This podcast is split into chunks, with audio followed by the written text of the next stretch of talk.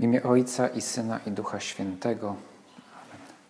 Panie mój, Boże mój, wierzę mocno, że jesteś tu obecny, że mnie widzisz, że mnie słyszysz. Uwielbiam Cię z najgłębszą uczcią. Proszę Ciebie o przebaczenie moich grzechów i o łaskę owocnego przeżycia tego czasu modlitwy. Matko moja niepokalana, święty Józefie, Ojcze i Panie mój, Aniele stróżu mój, wstawcie się za mną. W dziejach apostolskich na samym początku czytamy o następującą historię.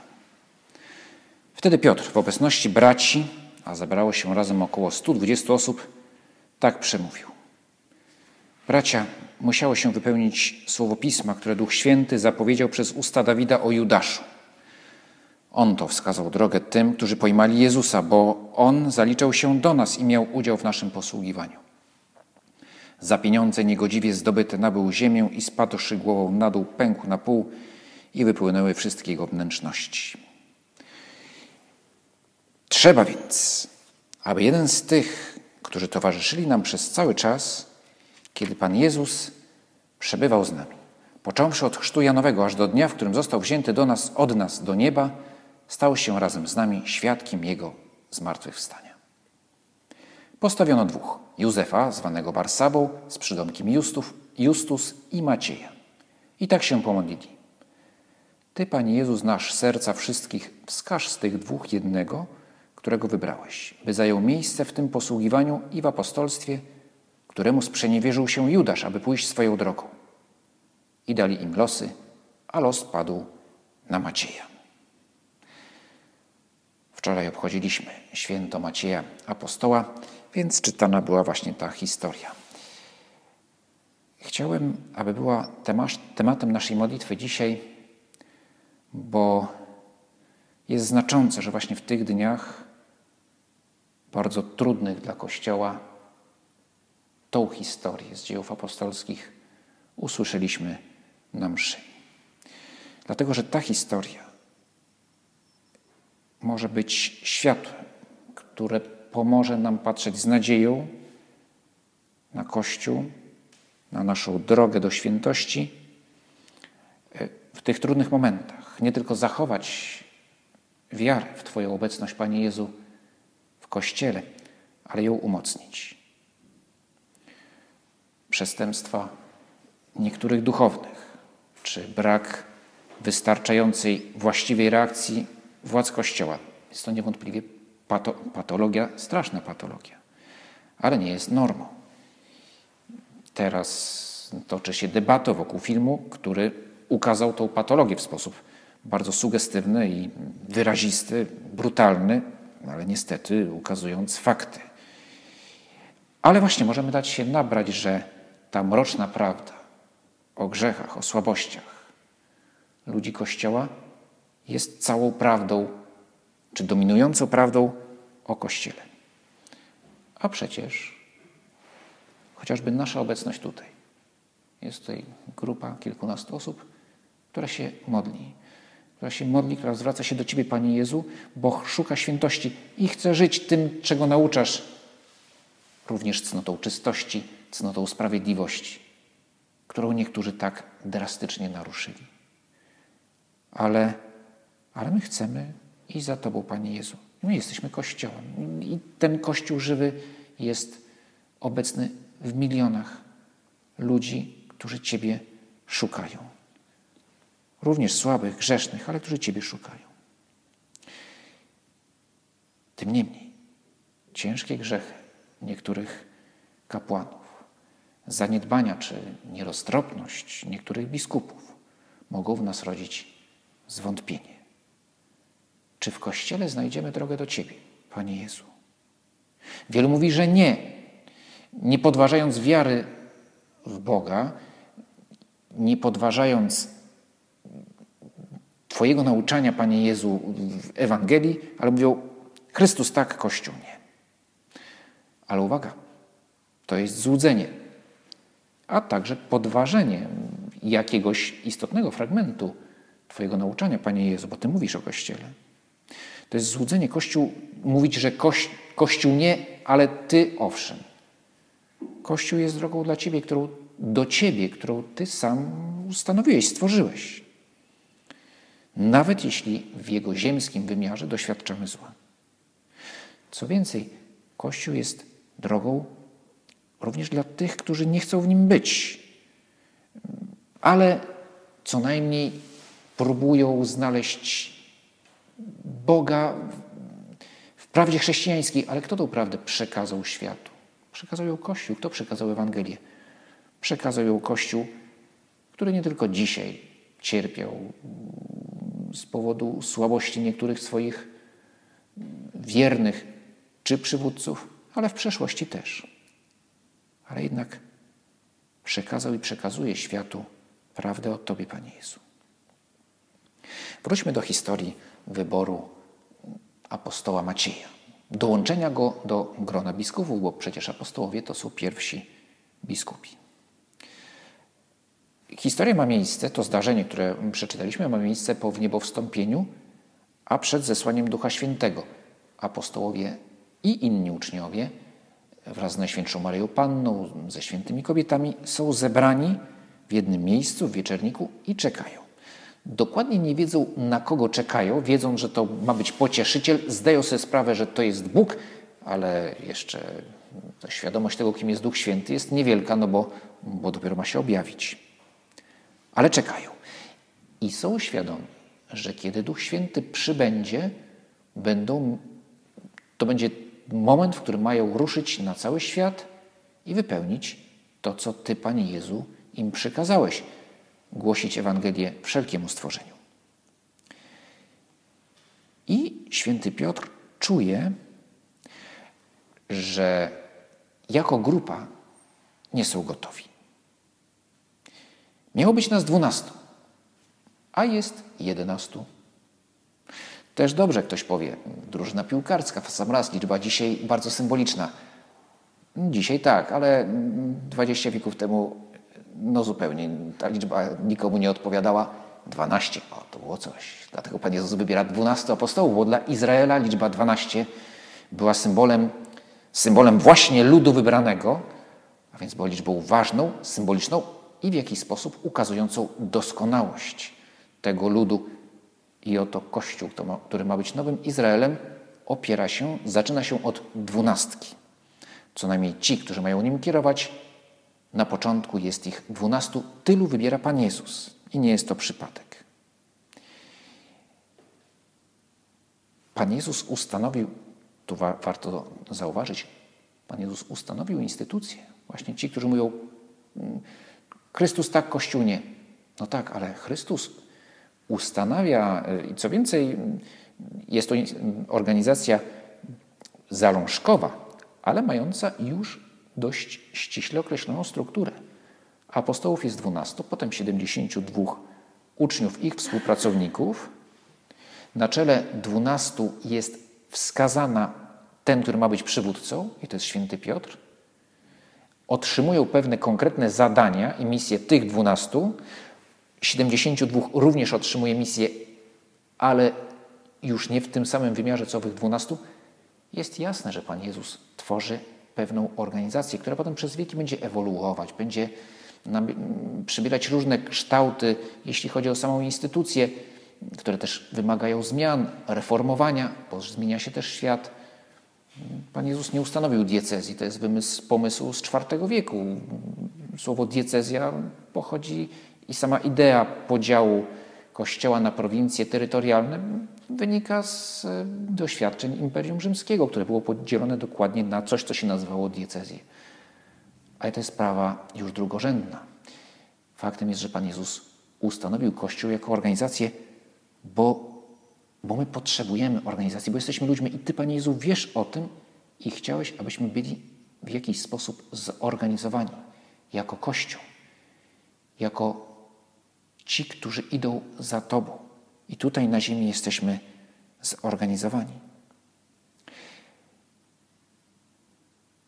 Święty Piotr widzi, że w tym pierwotnym episkopacie jest pęknięcie.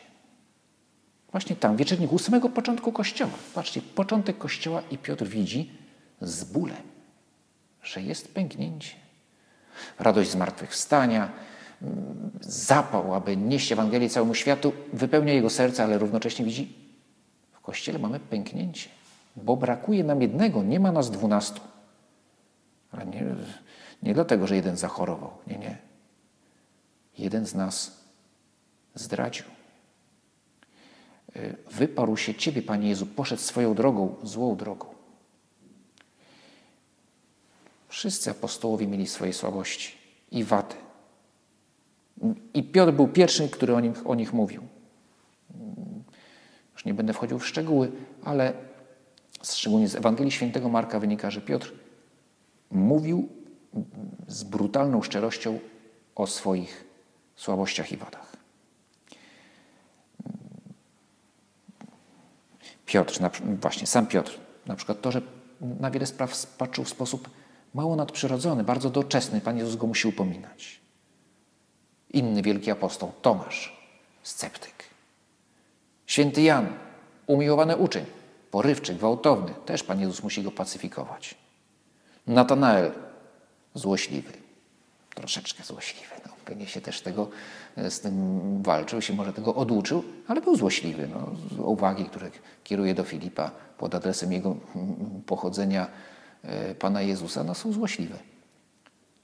Ale dobra, to są wady, które nie przeszkadzają im być apostołami e, i nieść Ewangelię i szukać świętości. No ale Judasz zrobił wyrwę. Judasz się od ciebie odwrócił całkowicie.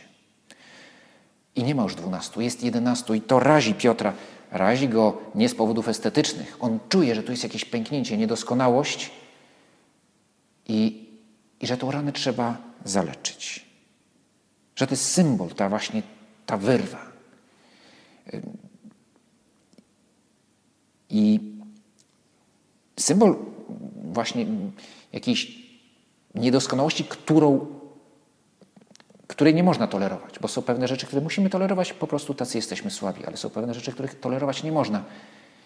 I Piotr nie może patrzeć na tą wyrwę i czuje pod natchnieniem Ducha Świętego, że trzeba, że trzeba uzupełnić kolegium apostołów. I może się zdarzyć, Panie Jezu, że jakiś Twój sługa z tych, którym powierzono szczególne zadanie prowadzenia Kościoła, uczyni właśnie taką wyrwę w Twoim Kościele. W nas samych, bo my jesteśmy tym Kościołem. Czy mamy wtedy wątpić w misję Kościoła z tego powodu? Nie. Ale trzeba uzupełnić straty. Z Twoją pomocą leczyć rany. Być może niewiele od nas zależy, ale zawsze naszą modlitwą możemy otoczyć Kościół, biskupów, aby umieli zobaczyć te rany i je leczyć. A więc módlmy się, aby w tym naszym świętym Kościele, w Twoim świętym Kościele, Panie Jezu, było jak najmniej Judaszów. Jeśli są, żeby się nawrócili albo odeszli, ale żeby nie niszczyli Kościoła, ale może jeszcze bardziej, aby zastąpili ich właśnie tacy dobrzy Maćkowie, tacy jak święty Maciej. W odniesieniu do tych duchownych, którzy są teraz, a także tych, którzy przyjdą, aby byli właśnie dobrymi Macie, Maćkami. Ale też pamiętając, gdy czytamy Ewangelię, że każdy chrześcijanin może utożsamić się, utożsamiać się z apostołami, również z Maciejem. I kolejna myśl, przy której możemy się zatrzymać, słuchając, zastanawiając się nad tą historią. Właśnie w jaki sposób możemy się utożsamić z Maciejem? Wszyscy. Bo wszyscy jesteśmy wezwani do apostolstwa i wszyscy budujemy Kościół. Popatrzmy na Macieja. Wybrany z ławki rezerwowej. Ktoś powie, taki trochę apostoł drugiej kategorii. Mógł o sobie tak myśleć, ale jestem pewien, że nigdy taka myśl mu do głowy nie przyszła, że jest drugiej kategorii, bo z listy rezerwowej, z ławki rezerwowej. Co z tego, że z ławki rezerwowej w wielu meczach ligowych i to takich najważniejszych, kluczowe gole strzelali ci, co byli na ławce rezerwowej. Maciej grał w tym zespole z takim samym poświęceniem i oddaniem, co inni. Wybrany w losowaniu. Znowu tu może się pojawić taka pewna wątpliwość, no, czy, albo co najmniej możemy trochę współczuć Maciejowi, no, że mógł czasami myśleć, no cóż, trafił mi się los na loterii. Przez losowanie mi wybrał, a inni to co innego, tych to wybrał Pan Jezus bezpośrednio, a ja to tak z losowania. No, jak czytamy dokładniej ten opis, to, to od razu widać, że, że jednak e, o co innego Piotrowi chodziło. Wcześniej bardzo starannie, dokonano bardzo starannej selekcji yy, kandydatów. Yy, może robiono nawet cały, cały proces rekrutacyjny, prawda, który się, że musi spełniać takie czy inne warunki. W końcu zostaje dwóch na, mm, którzy tak samo dobrze spełniają warunki, które, które mm, stawia Piotr pod natchnieniem Ducha Świętego. Y, I wtedy Piotr decyduje, że ma być losowanie. Czy chodziło o to, aby pozostawić tak ważną kwestię przypadkowi? Oczywiście nie. Święty Piotr chciał podkreślić, że wyboru ostatecznie dokonuje Bóg. Dokonuje go poprzez racjonalne, rozumne decyzje ludzi, ale ten ostatni etap, kiedy z dwóch no, tak samo pasujących do funkcji apostoła kandydatów, że ten ostatni wybór jest losowaniem, to był symbol powierzenia Bogu Zapowiedzenia, Panie Boże, ostatecznie to Ty decydujesz. My nie chcemy decydować, dlatego to powierzamy w cudzysłowie przypadkowi, wiedząc, że to nie jest przypadek. Bo przecież Piotr mógł kontynuować selekcję. Kolejne testy, na przykład, no dobra, no to teraz w takim będzie test y, z proroctwa Izajasza. Albo przyjrzymy się, który ma lepszy przydomek i w tym momencie Maciej przegrywa, bo tamten drugi kandydat miał przydomek y, Justus, to znaczy sprawiedliwy. A tu Maciej no nie miał przydomka. Nie? No więc, że lepiej pasuje, PR-owo lepiej pasuje Justus, to wybierzemy Justusa. Nie. Piotr zostawia już tutaj, e, jakby chcę podkreślić, że, że, że, że ten wybór jest próbą odczytania tego, co chce Pan Bóg. Ale myślę, że tutaj też jest w tym losowaniu było, był jeszcze jeden element. Mianowicie, żeby sam Maciej zdawał sobie sprawę z tego, że został wybrany nie ze względu na swoje cechy, zasługi. Może ze względu jego cechy były istotne, tak, ale że to nie jest jego zasługą, że został wybrany apostołem. I podobnijmy. Otrzymaliśmy wielki dar, powołanie, powołanie do świętości. Potem wielu z nas już odkryło swoje powołanie, konkretne miejsce w Kościele. Drogę swojego życia. I, I to wezwanie, które do nas kierujesz, wezwanie do świętości, łaska. Panie Boże, to jest dar niezasłużony. To jest dar darmowy. Zresztą słowo darmowy pochodzi właśnie od słowa dar. Znaczy to, że to jest powtórzenie. No, każdy dar jest darmowy. No właśnie, że dajesz to bez naszej zasługi, bo po prostu nas, nas kochasz. Od nas zależy odpowiedź. Jesteśmy wezwani do świętości wszyscy. Również do tego, żeby budować Kościół. Również do, do tego, aby naprawiać zło, które panoszy się w świecie i które też czasami wciska się w Kościół, w ten Kościół hierarchiczny też. Naprawiamy to zło. Idziemy dalej. Również gdyby ktoś podważał, bo oczywiste jest, że, że te nędze, słabości ludzi Kościoła są wykorzystywane przez tych, którzy są Kościołowi niechętni, no można powiedzieć, nawet trudno się dziwić. No, ktoś, kto nie lubi tej instytucji, no to wykorzystuje okazję, żeby w niej przyłożyć. No skoro odsłaniają swoją bramkę, prawda? Skoro obrońca zszedł z boiska, no to, no to strzelamy gola. E, ale, ale my wierzymy, że mimo grzechu niektórych, grzechów niektórych, poważnych grzechów, no wszyscy jesteśmy grzeszni, więc to, to, to nie, nie ma bezgrzesznych w Kościele, no ale mówimy o tych poważnych e, grzechach, które zadają rany całej wspólnocie, są krzywdą dla konkretnych osób. Otóż wiemy, że, że to nie może zatrzeć, anulować misji Kościoła. Bo to Ty, Panie Jezu, ten Kościół powołałeś i Ty go dalej prowadzisz. Papież Benedykt, pisząc miesiąc temu właśnie o tych bolesnych sprawach,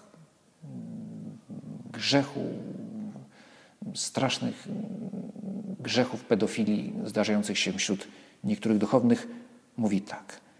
Sam Jezus porównał Kościół do sieci, w której znajdują się dobre i złe ryby, które na końcu muszą być oddzielone jedne od drugich przez samego Boga. Jest także przypowieść o Kościele jako polu, na którym rośnie dobre ziarno, które posiał sam Bóg, ale także chwasty, które zasiał na nim potajemnie nieprzyjaciel. Istotnie chwasty na Bożym polu kościele są aż nadto widoczne, a złe ryby w sieci także pokazują swoją siłę.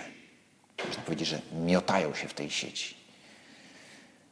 A jednak pole pozostaje Bożym polem, a sieć Bożą siecią. I przez wszystkie czasy są nie tylko chwasty i złe ryby, ale także Boży siew i dobre ryby. Głoszenie obu tych rzeczy z naciskiem nie jest fałszywą apologetyką, ale konieczną służbą prawdzie. I chcę, Panie Jezu, być tym dobrym ziarnem, ziarnem, które przyniesie owoce, nie chwastem. A to oznacza ciągłe pragnienie i podążanie, na ile potrafię, do świętości, do tego ideału, który Ty, Panie Jezu, mi wskazujesz i który pomagasz mi realizować, bo bez Ciebie oczywiście sobie nie poradzę.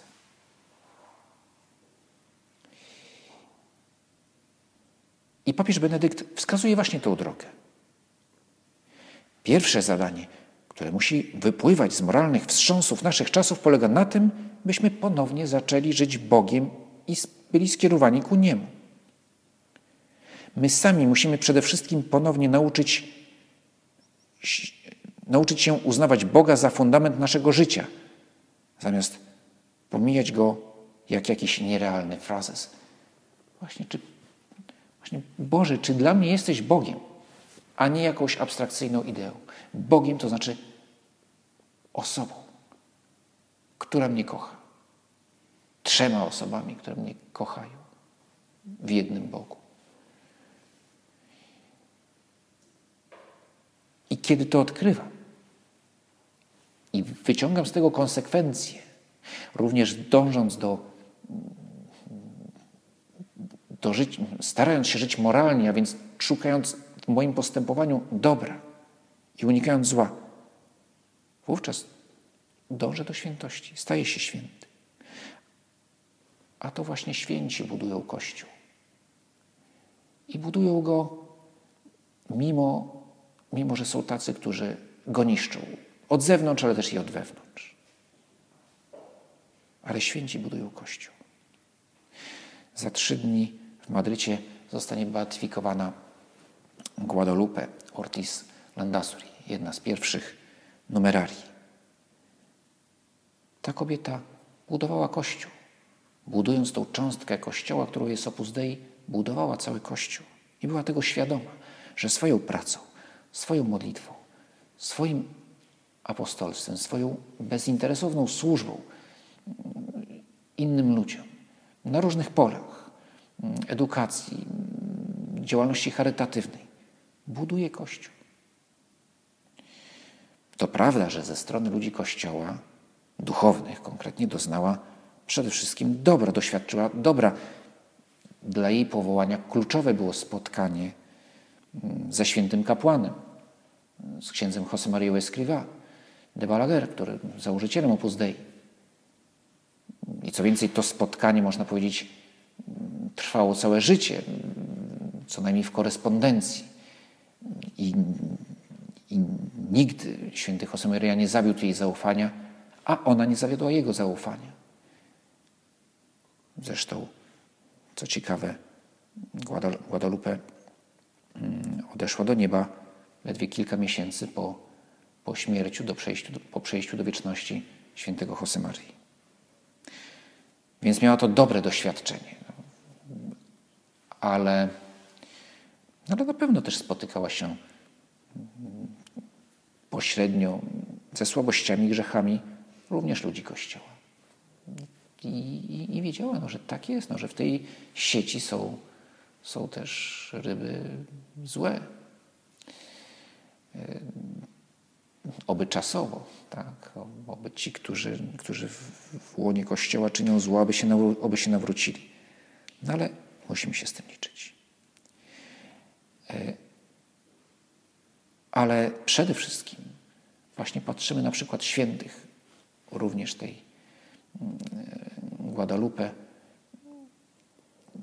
widząc, że, że przez to, to nasze osobiste dążenie do świętości w codziennym życiu, bez czynienia rzeczy niezwykłych, spektakularnych. Czasami Pan Bóg daje nam taką możliwość, ale, ale na ogół to, to, gdzie się uświęcamy, to życie, w którym się uświęcamy, jest zwyczajne. I właśnie w tym codziennym życiu, w codziennej modlitwie, apostolstwie, służbie bliźnim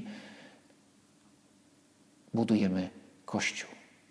Ten Kościół żywy, którego bramy piekielne nie przemogą i którego nie, nie zniszczy żadna, żadna choroba, również ta od, od wewnątrz, ani nie, nie zniszczy go żaden atak z, z zewnątrz, bo, bo jest zbudowana na świętości, na miłości do Ciebie, Panie Jezu.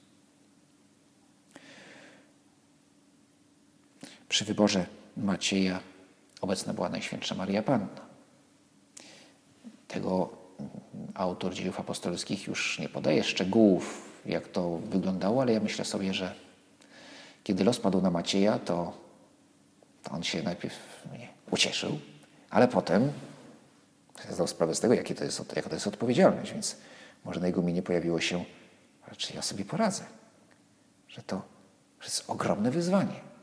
Może ja lepiej będę jednak jednym z tych 72, co najmniej. Taki, bo, bo wśród 12 to, to ja sobie nie poradzę. I może właśnie wtedy Maryja uśmiechnęła się do niego i powiedziała, i tym uśmiechem dodała mu otuchy, że poradzi sobie. Że jeśli będzie blisko Pana Jezusa, to nie ma takiej przeszkody, ani takiego zła, którego nie pokona.